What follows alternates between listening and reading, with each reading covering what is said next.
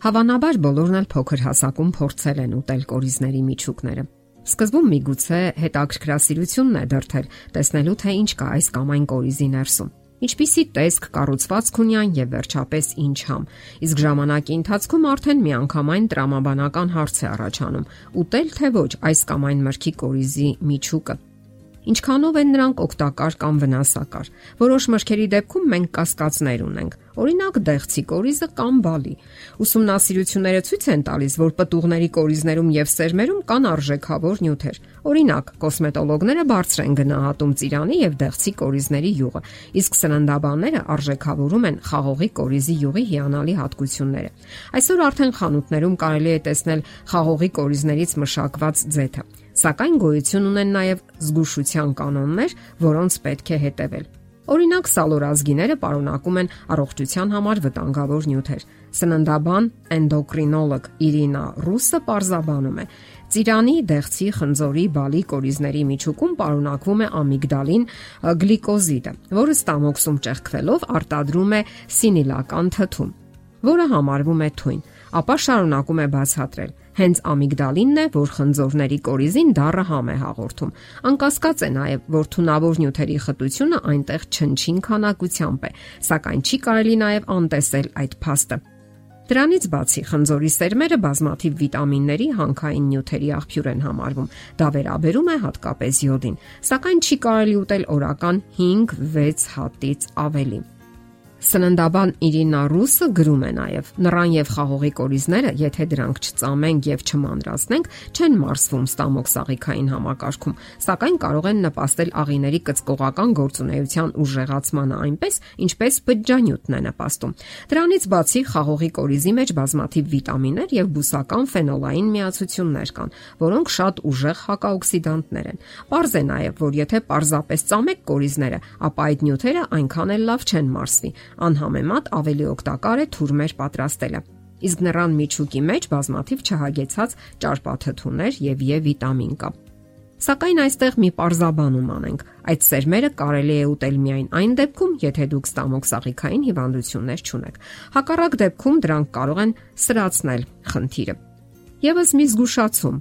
Հարկավոր է նաև խնայել ատամների էմալը, քանի որ դրանք կոշտ ամուր կորիզներ են եւ օգտակար չեն։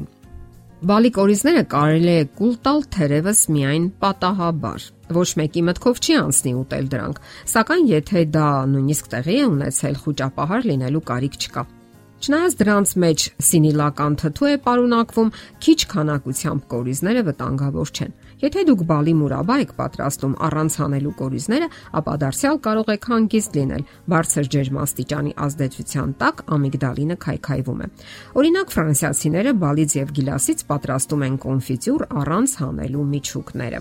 Դեղցի կորիզը բավականին ամուր է եւ դժվար է նրա միջից հանել միջուկը, սակայն եթե դա ձեզ հաջողվել է, ապա դրանք միանգամայն անհամ են։ Ամիգդալինի բարձր պարունակության պատճառով դրանք դառնավուն են։ Դրա համար էլ իսկապես կարիք չկա ուտելու։ Իսկ ահա դեղցի կորիզի յուղը միանգամայն ուրիշ հարց է։ Դա հարուստ է բազմաթիվ չհագեցած ճարպաթթուներով՝ օմեգա 3, օմեգա 6 եւ օմեգա 9։ Իսկ քանի որ ամիգդալինը լուծվում է ջրի, այլ ոչ յուղի մեջ, ապա յուղի մեջ սինիլական թթու չկա եւ այն հանգիստ կարելի ավելացնել սալատներին համեմունքների ձևով։ Եվ վերջապես բոլորիս քաչ հայտնի ծիրանը իր նույնքան քաչ հայտնի կորիզներով։ Շատերն են սիրում ուտել ծիրանի կորիզը իր բավականին հաճելի համի համար։ Երեխաները հատկապես սիրում են ջարդել կորիզները եւ վայելել միջուկը։ Այն օգտագործում են նույնիսկ մուրաբաների կամ ջեմերի մեջ։ Եվ սա իրավամբ համարվում է ամենաուտելի եւ ամենահամեղ միջուկը։ Սակայն այս միջուկը նաեւ նենգ է, բացի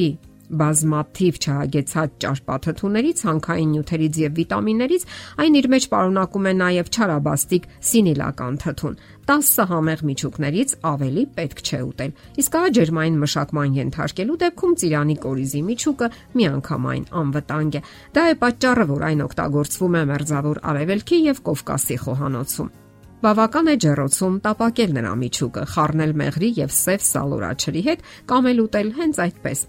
Ասենք որ եվրոպացիները նույնպես գտել են այն օգտագործելու ձևը։ Դառը միջուկները օգտագործում են ջեմերի եւ պովիդլոների արտադրության մեջ հաճելի համ հաղորդելու համար։ Կամ էլ պատրաստում են ամարետո իտալական թխվածքաբլիթ, ընդ որում վերջերս ավելի ու ավելի շատ են տվյալներ հայտնվում այն մասին, որ ծիրանի կորիզի մեջ պարունակվող վիտամինն ունի հակաքաղցկեղային հատկություն։ Նուշը թեև դասվում է ընկուզեղենի խմբին, սակայն ինչ որտեղ կարելի է դասել նաև կորիզների շարքին։ Այն նույնպես խիստ օգտակար հատկություններ ունի հատկապես սիրտանոթային համակարգի համար։ Նպաստում է արյան կազմի լավացմանը, մարսողական համակարգի նյութափոխանակության գործունեության կարգավորմանը։ Հրաշալի ազդեցություն է թողնում գլխուղեղի աշխատանքի վրա, նպաստում է հիշողության բարելավմանը։ Կանոնավոր օգտագործելու դեպքում լավացնում է նույնիսկ տեսողությունը նկատվել է, որ օգտակար է նյարդային համակարգի աշխատանքի համար, բարելավում է քունը։ Նուշի յուղը օգտագործում են նաև կոսմետոլոգիայի մեջ։ Այն պահպանում է նուշի բոլոր օգտակար հատկությունները, փապկեցնում է սնուցում, մաքրում եւ հարթեցնում մաշկը։ Եվ վերջապես ինքներդ էլ կարող եք ստեղծագործական մոտեցում ցուցաբերել, պահպանելով իհարկե զգուշության բոլոր կանոնները, որովհետև կարևոր է նաև յուրաքանչյուր օրգանիզմի անհատական առանձնահատկությունները։ Եթերում առողջ ապրելակերպ հաղորդաշարներ։ Ձեզ հետ է Գեղեցիկ Մարտիրոսյանը։ Հարցերի եւ առաջարկությունների համար զանգահարել 033 87 87 87 հեռախոսահամարով։